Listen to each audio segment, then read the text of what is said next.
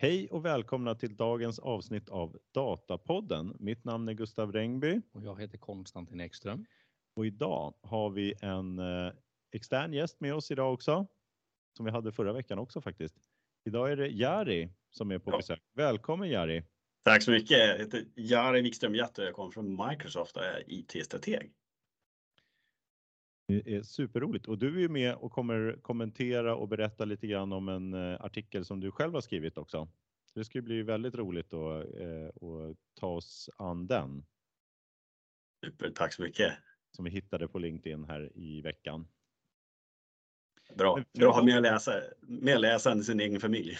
Ja, precis. Ja, vi är beviset och nu kommer du få ännu fler läsare förhoppningsvis och till och med lyssnare då också på din, eh, på din artikel får man väl säga. Det ska bli superkul att, att sprida ordet, för vi, det var en väldigt bra artikel och jag tyckte det var väldigt bra. Men det, vi kommer tillbaka till det. Vi börjar med två andra artiklar och så tar vi den här äh, härliga desserten, Jaris artikel, som, en, som i våran trerätters här. Superbra. Men, men till förrätt så börjar jag då. Det var det vi sa, eller hur? Precis. Då har jag en artikel från äh, idg.se If miljardsatsar på digitalisering. Allt vi gör är beroende av data. Det här blir ju spännande. Det här måste man ju läsa eftersom det, man pratar om data så är det alltid roligt. Eh, och den här artikeln då, den handlar om eh, att eh, man inleder här och säger att eh, eh If har haft en stark kvartalsrapport trots eh, situationen i världen med det ekonomiska. Eh, VD Mårten eh, Torsrud lyfter fram digitaliseringen som en viktig faktor. Varje år satsar If en miljard kronor på digitalisering och det här är, rör sig då eh, inte om eh, liksom en del av underhåll utan det är bara en ren investeringspost då. Allt extra nytt som man ska göra med IT då. Eh, men artikeln handlar eh, mycket om en eh, intervju då med CIO för If, Kjell Rune Tveita. Och han säger då att ett viktigt mål är att få ut alla bolagets tjänster i de digitala kanalerna. Och han säger också att när det gäller de privatkunderna så finns de flesta är på plats. Och det leder till en massa möjligheter då till automatisering då. Det handlar om sådant som att kunna gå in själv och uppdatera kilometer för sitt fordon eller registrera skador. Mer än 50% skador som If får in registreras av kunden själv idag, säger han. Många av de ärendena är idag helautomatiserade. Det ger en stor effektivisering då, pratar han om. Eh, och de har ju eh, som exempel och tar de då olika då automatiseringscase som de har då. Det kan handla om att eh, man har eh, förlorat bagage på en resa där man går från registrering till utbetalning helt automatiskt. Eller att man kan få en hyrbil och en verkstad bokas automatiskt efter en krock. Det ger Kjell Rune då som exempel då på hur de, hur de jobbar med automatiseringen då, givet då den här digitaliseringen också. Då. En annan viktig sak som han nämner då eh, för det här med att få det här med automatisering att funka. Det är inte bara att digitalisera kundkontakterna, men det är också att man gör olika typer av direkta integrationer med partners nämner han också. Och då har de ett exempel då på att de har eh, integrerat direkt då infosystemet i Polestars bilar. Och då kan man eh, man kan i stort sett se då bärgningsbilen på kartan när man har liksom varit med om någon olycka eller något sånt där. Och eh, det sättet som man får till det här, att bygga den här typen av integrationer och, och skapa då automatiseringar på det sättet kopplat direkt då till eh, bilen som eh, kan agera med eh, försäkringsbolaget på en gång till exempel det är då, eh, han, han, nämner då metoden som de använder för att göra den här typen av innovation som man kallar det då. Och det är att man ska jobba små, korta, agila leveranser. Cirka en till tre personer, ett par veckor, tre till sex veckor eller något sånt där. Det är liksom vägen framåt för att testa sig fram eh, med alla de här möjligheterna som man måste prova också. Eh, och han nämner också här då, nu kommer vi in lite på, vi är ju ändå Datapodden och vi är intresserade av det här med analys och data, men vi kommer lite mer in på det då, också. Även om interaktion kanske är vårt eh, gebit också. Eh, men han nämner också att eh, eh, eftersom så mycket interaktion med kunderna nu sker digitalt så finns det stora möjligheter att samla data. Och, och det i sin tur är en guldgruva då att skapa automatiseringar och eh, olika tjänster då. Men han, de säger också det att de har, även om datat i sig då är guld värt, så har de också känt att de har nått en gräns för eh, hur mycket data man kan samla i eh, ett givet kundmöte. De nämner då att de förut så körde de 12 till 13 frågor till en person som då ville ha en bilförsäkring. Eh, och det blev för mycket så att nu har de minskat ner det till två till fyra frågor istället. Eh, innan man eh, kan eh, leverera då tjänsten. Ja, och nämner väl det är liksom det viktiga här som som Kjell Rune nämner då är att det viktiga är att verkligen använda data för att göra den enklare för kunden. Det måste vara hela tiden målet. Man får inte slarva med det, utan det ska alltid vara ett kundvärde som man skapar då. Jag och tar upp då som exempel på hur man ska göra det om en kund nappar på ett erbjudande i en digital kanal så ska man liksom kunna agera på det en halvtimme senare. Möta dem på rätt sätt då. Man nämner också att de sitter på en stor teknisk skuld. Eh, det är ju If är, är tre stora försäkringsbolag som slogs ihop, Skandia, Storebrand och Sampo, eh, som slogs ihop till If i början av 90-talet. Därför sitter man också på ett antal stora affärssystem. Eh, och han nämner att det finns inget kundvärde i att ta bort ett system, utan det de ser som lösningen framåt här för att det inte ska bara bli stora enorma kostnader så är det att istället eh, skapa integrationer mellan systemen. Sen liksom, när en eh, möjlighet skapas så kanske man gör det senare då. Eh, han nämner det som att han ska ta bort surdegarna vartefter. Eh, men uh, säger väl, de tar upp det, han tar upp det igen sen också det här med att det är inte bara att man jobbar, försöker jobba bort gamla system också utan man, gör, man behöver göra ändringar på sånt man har gjort misstag på. Och då tar han upp just det här med de införde en digitaliserad telefonmottagning där de hade de här 12 till 13 frågorna till kunden, vilket inte var bra. Så jag antar att de kanske såg att de, eh, folk orkade inte vara med på alla 13 frågor utan la på luren då antar jag. Utan det måste gå snabbare. Eh, så samtidigt som man går, IT går mot att bli mer automatiserad och datadrivna så arbetar man annorlunda och vill inte längre benämna sig som IT utan man pratar om en tech community där 70-80 sitter på IT och resten ute i verksamheten.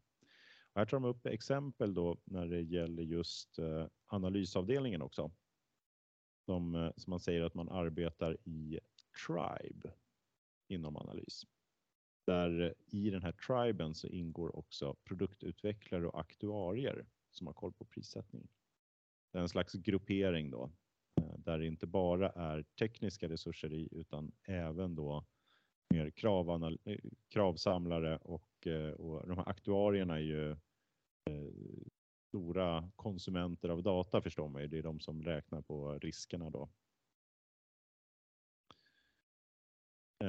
Och att sätta de som är beroende av data tillsammans ger en god effekt, upplever han då. Och gränsen mellan IT-proffsen och andra organisationen som skaffar mer digital kompetens bryts ner, nämner han också. Eh, men det viktiga, säger han då, är att det ska vara tydligt var ansvaret för att utveckla kompetensen finns. Så att man inte tappar det här att man måste utveckla kompetens. Så det, var en, eh, det var egentligen den artikeln då om If. Och man ser ju här, det är ju inte bara, han tar inte bara upp dataarbetet utan det är ju allmänt om IT också och digitalisering och det är flera delar här i den här artikeln. Men det är väl kanske, vi är ju mest intresserade av dataanalys, men det är ju, man är ju, lever i en värld där allt hänger ihop också. Har ni några kommentarer om den här artikeln? Jag kommer bara tänka på ett citat som man hör emellanåt. Every company is a software company. Ja, Frågan är Ja. bara vilken utsträckning. Ja, men det är helt, det är helt rätt. Liksom det är bara att se att jag tycker också en intressant grej liksom det här, det här att, att de kanske börjar se sig själv lite som en sorts del av ett ekosystem med, och, och särskilt med data. Liksom att förut har liksom många vill försöka liksom, man har sitt data och de kanske säger men hur kan vi jobba, nu var det liksom med Polestar med massa andra leverantörer liksom, och börja ha kanske semi-öppna data där andra, till och med kanske konkurrenter. För liksom, man kan tänka sig lite eh, ut var vissa som var konkurrenter, men det var att titta på Microsoft och Linux. Nu vi, vi älskar ju Linux. Um, så det är, liksom, det är intressant att se liksom det här det, dataplattformen som uppstår runt eh, försäkringsbolaget. ja verkligen. Det är, det är liksom den här äh, datat har inga gränser liksom på något sätt, utan där är det bättre att dela det och då blir man bättre än den konkurrent som inte är med får man väl säga. Eller så är man inte med och då är, vinner de andra konkurrenterna som gör det. Får man säga. Eh, Ja, det är väl det här tribe-begreppet. Eh, Bara för att gå in lite grann på det. Det är ju lite grann. Jag tror att det kommer från Spotify som har gått i bräschen för just den eh, benämningen. Men det är ju alltså en organisationsbenämning på som man har tagit fram för produktutveckling med ett agilt arbetssätt. Jag har sett det på andra bolag också. På, på LinkedIn, någon som så här tribe leader. Ja, Det är ganska, ganska vanligt. Det är många, alltså många nya bolag, alltså både startups men också större som, som byter till mer det här, den här agila utvecklingen och mer autonoma team som också mycket tribes är. Liksom, de kan bestämma i ganska stor utsträckning vad de får göra liksom, inom sina samma s- s- så här olika typer av sprints och så vidare. Liksom. Så det är ju intressant utveckling att se hur det funkar. Jag, jag, jag har jobbat på Microsoft för länge så jag har sett de gamla klassiska, liksom, nu, nu tar vi treårs, eh, treårsprojekten, de, de finns inte riktigt längre. nej. Nej, och allting liksom, det är väl det är en smart sätt att jobba när man har så många parallella behov som man ska försöka uppnå. Just att man har de här, det är liksom produkt, product managers för vissa specifika delar i systemet så att säga. Eh, Så det, det blir väl eh, en bra parallellisering också med de här produkt, eh, produkttänket då. Men vad de sa om migreringar, gamla system? De Mm. skulle inte migrera bort samma gamla system utan bygga integrationer. Jag tror att det är mer, det är där affärsnyttan sitter, att liksom få ut datat ur dem. Men sen så, eh, han säger ju att det är en surdeg som man ska angripa någon gång. Men Mm. det, är väl, det är inte så roligt att sätta in, sig in i ett treårsprojekt som eh, eh, när i slutet av det så har man precis som man hade innan ungefär. Så att eh, man, man förstår väl att det är eh, ett, ett bra sätt att angripa det på. Det är också intressant också det, just det med, med, med data, den mängden av frågor, liksom, de har reducerat det. Att det liksom, det är ett, är, har jättemånga frågor är komplext, men det är också kanske en annan eh, attityd på något sätt. Det är att, att eh, förut var liksom att när en konsument skulle köpa någonting, då, ja, men då går det till, till där du kanske kan få någonting idag, men, men konsumenten idag har ju mer information, alltså mer data på vem är en bra leverantör, alltså försäkringsbolag, banker och så vidare där. Och då måste liksom man vässa till det och göra det enkelt för, för, liksom, för kunden. Och, och det får man att tänka vidare på en grej, det är att många gånger så tänker man på de kunderna som vi har idag. Men om man pausar lite och tänker, okej, de som är 12 år idag, hur vill de ha det om 10 år när de ska köpa försäkring eller bil eller, eller vad det nu är. Jag också bara jobba nya ställen där. Det är de som egentligen är intressanta och deras förväntningar. Mm. mm. En, en annan sak som är, jag tycker är intressant här, det är just det här eh, definitionen på datadriven. Eh, Var drar man gränsen? För det är alltid, det finns så många olika saker där man pratar om datadriven. Eh, Det är ju både, eh, som jag försöker liksom samla det, så blir, eh, man kommer ner till tre grundperspektiv på datadriven. En är digitalisering i allmänhet. Det är ju, det är ju att man blir, också blir datadriven. Till exempel att man digitaliserar sin kundkommunikation eller och så vidare. Och skapar massa automatiseringar och så vidare. Sen har man datadriven som brukar användas i perspektivet av online digitala kanaler. Eh, som brukar vara vanligt att e-commerce-bolag pratar om att, de, att man jobbar datadrivet i förhållande då till eh, fysiska butiker och så vidare. Och sen har vi den tredje då som kanske är ännu mer kopplade då till analysavdelningen och, och så vidare, att vara datadriven, att man ska ta beslut efter en, en slags aggregerad form av sin data. Men, men det är alltid så här, det är alltid svårt för man, man stöter på de här alla tre och, och det kan vara lite olika vad folk menar med när man säger eh, datadriven. Eh, man vet att det är bra, Mm. men det, det kan vara väldigt oklart vad, vad man menar. Jag tycker en bra liknelse, det är väl så här om du använder en GPS i en bil. Så fort du använder GPSen, då har du ju liksom en digitaliserad karta. Den är ju datadriven i sig då ur ett perspektiv att det är en digitaliserad eh, karta och du, du kan liksom se hur du rör dig. Mm. Men lägger du till då att du får in information om vad alla andra bilar är, då blir du datadriven på det sättet att du kan välja vägen som det är minst bilar eh, och liksom kan hitta den snabbaste vägen på det perspektivet också. Det är liksom två olika datadrivna och sen har vi den här tredje då online som eh, ligger i som en egen. Ska vi gå vidare efter den där långa utläggningen här om datadriven? Ska vi gå vidare till nästa eller har ni någonting ni vill tillägga? Nej, men jag tror vi är redo för huvudrätten nu va? Ja, nu är vi redo för Ja. den lilla huvudrätten, eller hur var det? Konstantin. Ja, jag hittade en em, artikel på Microsoft Power BI-blogg här. Accelerate your migration experience from Azure Analysis Services to Power BI Premium with Automated Migration Tool. Och han som skrivit artikeln och han är också senior product manager. Han säger att visionen har varit att Power BI Premium ska vara ett superset av Azure Analysis Services genom en kombination av den self-service som Power BI erbjuder och funktionaliteten på enterprise-nivå vad gäller modellering som Analysis Services erbjuder. Så då eh, det var- har de kommit i mål nu och det, det verkar faktiskt så. Eh, För nu handlar det om att lite mer fokus att få över kunderna från Azure Analysis Services. Och för att underlätta den här migreringen då och ta bort manuellt arbete för att till en del kunder som hade eh, ja, men, efterfrågat lite, lite mer automatisering där. Så har man nu tagit fram ett migreringsverktyg som nu är släppt i public preview. Och verktyget, jag var tvungen att kolla detta innan mötet här och, och då ehm, Ehm, går man in i Power BI-portalen och klickar på kugghjulet och sen i dropdownen där så fram hantera Azure AS-migreringar. Då finns den där. Och här kan man då migrera sin lösning eh, som det uttrycks i artikeln at a click of a button. Tyckte det var lite vackert uttryckt det där. Eh, det står inget om när verktyget ska rullas ut här i full skala, men vill man veta mer så kan jag faktiskt tipsa om ett webbinar som står i artikeln från Microsoft. Roadmap for Semantic Models from Azure AS to Power BI Premium. Den hålls 5 december. Jag tänker vi kan lägga till den i eh, artikeltexten här på, Mm. i poddbeskrivningen. Det är bra. Liten Ja. huvudrätt med naggande Ja, god. precis. Naggande Alltså, god. väldigt trevlig funktion bara. Ja, Eh, ja, verkligen. Det är väl, eh, jag tycker det är bra att koppla här till, Jari kommer ju komma in och prata lite om on-premise till cloud också. Eh, det har ju funnits en period här då man liksom kan ha skäl till att bygga med analysis services också, trots att man kan använda Power BI Premium. Det känns som den eh, liksom skälet blir mindre och mindre. Men finns det något skäl idag att bygga, om man börjar idag bygga en analysis services eh, kub?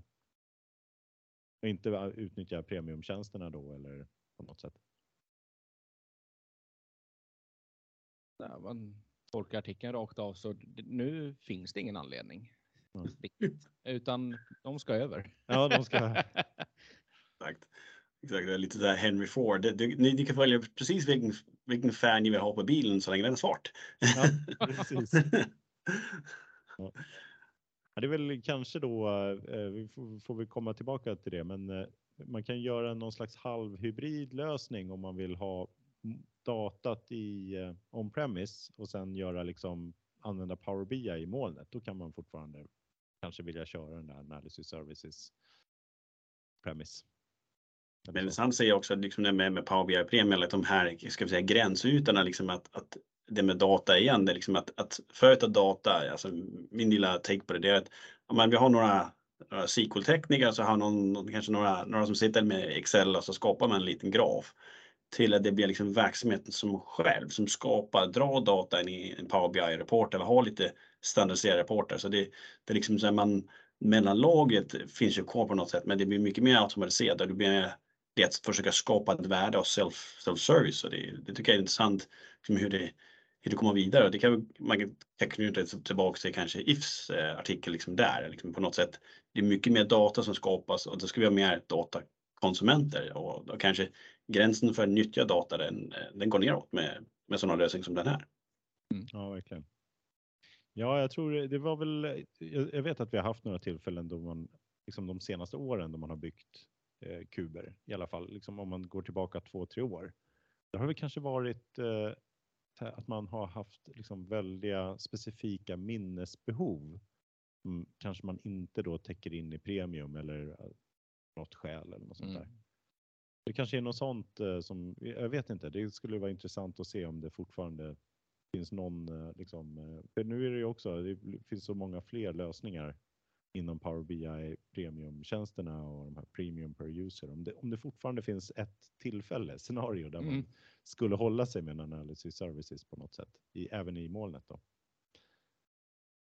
Eh, ja, men det, vi får väl se. Det återstår att se.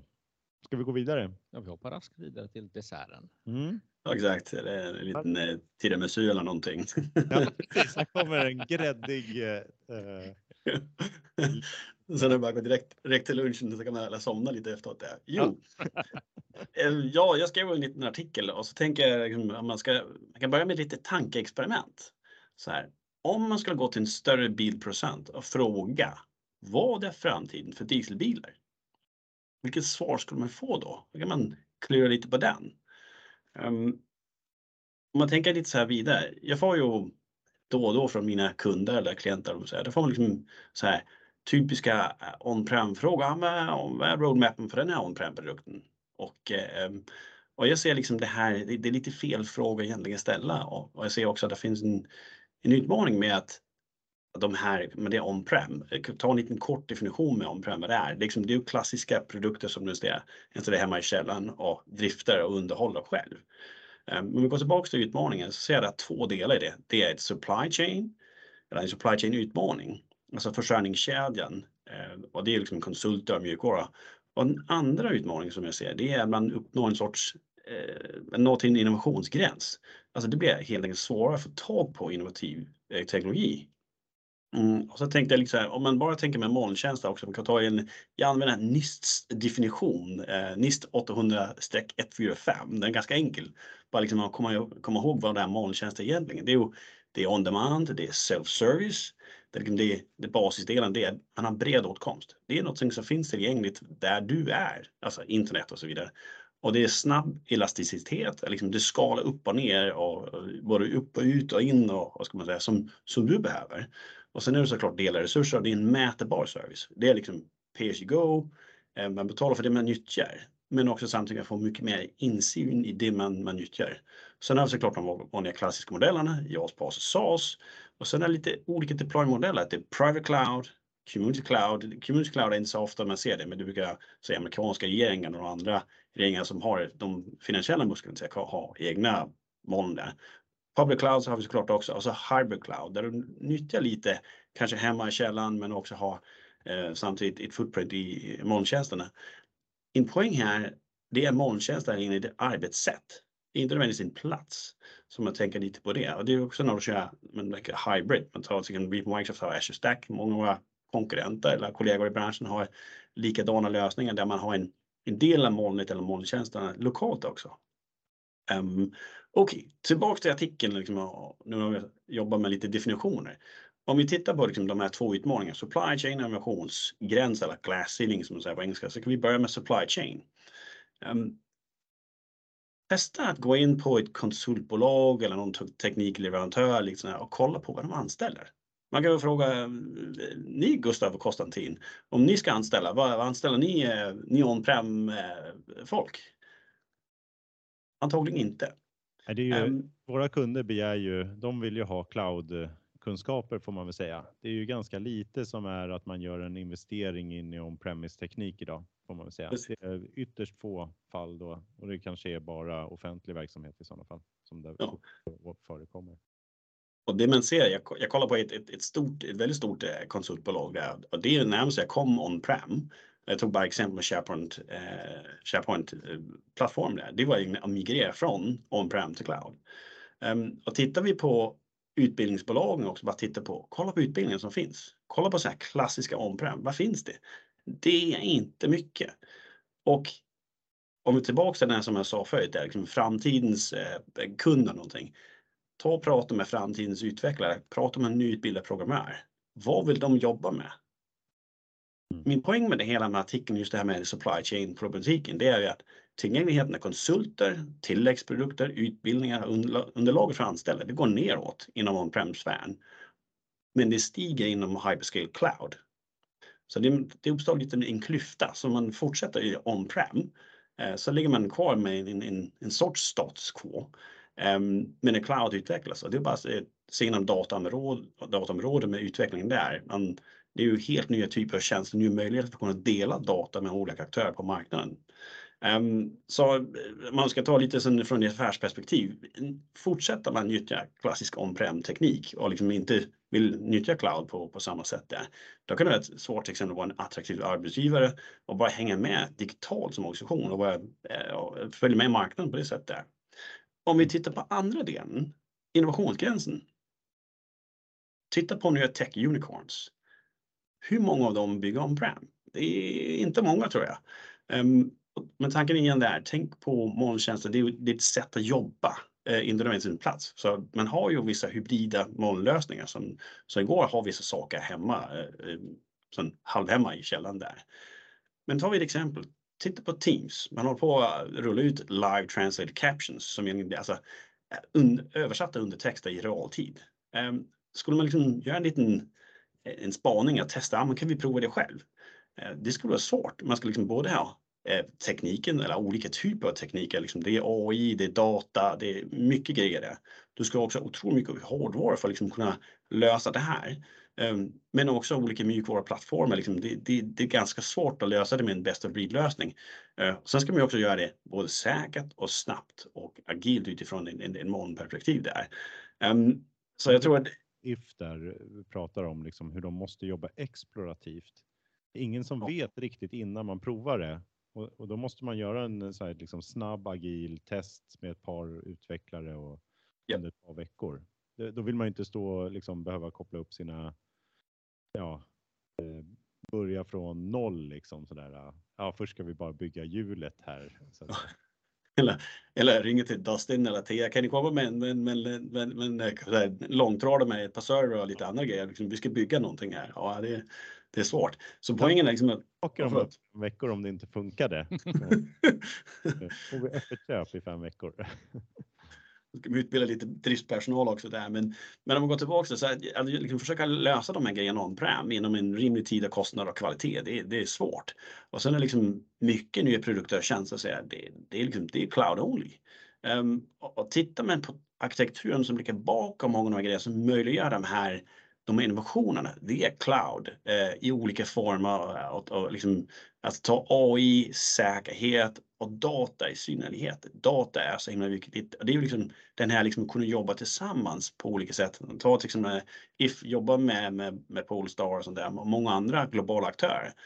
Um, så det är liksom, ska man lite krasst, titta på Teams. Sista åren kanske 400 nya lanseringar, produktfeatures Titta på till exempel Sky for Business. Ja, eh, det, det är kanske 10-12 stycken som har kommit eh, och det är kanske lite mer på ett, på ett underhållsperspektiv där. Nu drar jag lite exempel från Microsofts egna produkter, men det är bara att titta inom partnerledet. Det är exakt samma typ av, av utveckling som sker. Ehm, så liksom, poängen liksom med det här är att man når en viss, en viss gräns med, med, med tanke på teknologi, liksom vad man kan få on-prem.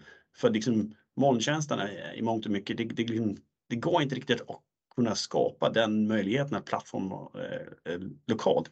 Då uppstår det ett glapp som jag ser det mellan on-prem och molntjänster. Ska man försöka knyta ihop säcken lite här på något sätt. Det första vi understryker, det är, det är inget fel på våra on-prem-produkter eller, eller andra som prem-produkter på det sättet. Men jag ser inte dem, det är, liksom, det är inte framtiden. Um, och väljer man inte nyttja globala molntjänster, då riskerar man att hantera, liksom, eller hamna lite på efterkälken digitalt. Och eh, med tiden så kan det bli svårare liksom att komma ikapp och liksom det här glappet och brygga över det på något sätt där. Och då blir det också en, det blir en, en verksamhetsrisk eh, så småningom. Ja, jag, jag tyckte det var bra att du lyfte det här scenariot kring eh, produkttillverkaren som ska bygga bra funktioner on-premise då. Vilken skillnad det blir då i distribution och vad, vad som krävs. Det här med, ja men ska vi lägga in lite AI-funktioner här i, i Teams eller vad det är. Och liksom vilket stort jobb det blir om du ska produktutveckla det. Det kommer ju ställa krav på varje kund också, vilken miljö de kör på. Det blir ett helt annat projekt eh, än, eh, än eh, att eh, om man liksom eh, kan släppa, eh, släppa det som en molntjänst. Eh, annars så tänker vi ofta på på liksom specifika kunden så eh, det finns ju massa affärsmöjligheter där också. Men just den här också distributionsvägen för produktleverantörer, hur mycket enklare det är och innovativt och fler funktioner man kan ge på samma eh, kostnad då eh, om man kör eh, med molntjänster. Det är också en intressant grej där som du tog det med, med if och liksom med, med, med, data egentligen också med, med, med kartan där. Man kan säga gå från en digitaliserad karta till en digitaliserad karta som innehåller mer information som drar in från olika olika leverantörer. Liksom. Det kan vara säg, AI från någon annan stor eller liten leverantör som ligger på, på några av de här stora hybrida molnplattformarna. Liksom. Det, det, liksom, det finns där, det är bara att dra in det. Ska man försöka göra det själv, att bygga, ja men nu ska vi försöka bygga en ny sorts data, realtidsdata på alla bilar som finns i Sverige. Hur ska man lösa det on-prem? Det, det är svårt tror jag. Ja, verkligen. verkligen. Nej, och där vill man ju dela så att man inte, man kan inte ha att alla ska eh, liksom connecta med alla. Det blir ju en stor soppa utan det måste finnas någon typ av eh, marknadsplats också då man kan jobba på. Eh, nej, men det är också roligt då, eh, det, liksom för några år sedan så var det ju när molnet var ganska nytt. Då var det ju, då, då tittade man mest på affärsnyttorna. Det är egentligen du gör här i artikeln. Det är ju att du säger nu är det, nu är liksom det hela, vågen är här redan. Nu är det snarare att ja, kommer du ens kunna få eh, kompetens om du sitter on-premise i stort sett. Nu är det mer än att man får akta sig för de eh, stora kostnader som kommer om man inte går in i molnet. Det har blivit en förflyttning här från att man eh, har kanske fått en edge om man eh, börjar jobba i molnet tidigt till att nu missar man tåget helt och hållet snart här. Blir omsprungen eh, med, eh, med den här tekniken. Med att man inte kan hitta kompetens man kan, och, och att ens konkurrenter då gör den här typen av, av tjänster istället. Men jag funderade på idag har vi ju liksom, det, det, är väl någonting som alla känner till i, i, eh, i IT-branschen, liksom. man hör om de här COBOL-programmerarna som sitter ute liksom, på lite olika ställen. Vad tror ni? Kommer vi se liksom, kommer det finnas on-premise utvecklare inom IT-branschen om tio år som är liksom lite liknande då som COBOL? Eller eh, för någonstans måste det finnas kvar ett on-premise system som ingen orkar flytta in i molnet eller vad, vad tror ni? Ja, eller alltså, vet, det, det är klassikern. Liksom, ja, men det var han, han person som skapade det här systemet och byggde det. Han har gått i pension. Bara, ja. Oj, vi vet inte. Ja, men, rör det inte. Liksom, det, liksom, får, får, inte, får inte, får inte liksom, röra på det. Liksom, vi låter det köra tills det, liksom, det brinner upp på något sätt. Men jag tror att ja, så småningom. Det, alltså, det, det kommer, allting kommer att försvinna upp till så småningom. Men det är liksom det är tid och effort. Och sen är det ju, jag skulle säga det blir svårt det med som sa, kolprogrammering, on-prem eller sådana typer av grejer. Det, det blir färre och färre och jag tror att det kommer vara lite kvar. Det tror jag kanske om tio år. Det, där finns ju system som står liksom i någon källare någonstans som, som puttrar på. Men eh, nej, det är inte många. Jag tror det är några ynka promille kanske. Ja. Nej, och det kommer finnas. Det är väl, eh, finns ju nu liksom sån här eh, några få bolag som till och med har traineer som kommer in och får lära sig COBOL för att eh, man måste ha det. Det kommer säkert finnas någon, någon som behöver det där fortfarande då också. det kanske är inte om 10 år, det kanske är om 20 år. Jag vet inte. Man kanske kan ta, ta bra betalt i konsulter. Liksom det finns en, en person. en som kan den här gamla tekniken. Men när, liksom, när eh, vi är ju mitt i den här molnet eh, liksom, vågen just nu. Alla går upp i molnet. Hur, eh, hur länge kommer vi vara, vi vara i en sån liksom där, där man alla liksom rör sig upp i molnet? Kommer det bli en platå efter ett tag när rörelsen, alltså rörelsen mot molnet minskar? När kommer vi ha gjort hela den här molnet flytten så att säga. Hur långt är det kvar på den vågen? Tror ni? Äh, pass.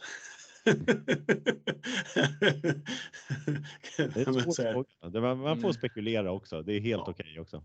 Jag vet att vi hade någon artikel tidigare ju, den, där de hade gjort någon liten uträkning och de sa att eh, molninvesteringar, och det var just inom data då, cloud data, Mm. cloud data warehouse. Då sa de att den kommer vara eh, att investeringarna på att gå upp i molnet ökar med 27 om året de närmsta fem åren i världen. ja. Så då kan man säga då- fem år så är den inte platån än utan Nej. vi är snarare på en uppgång enligt den studien då, Ja. som vi diskuterade då för några veckor sedan.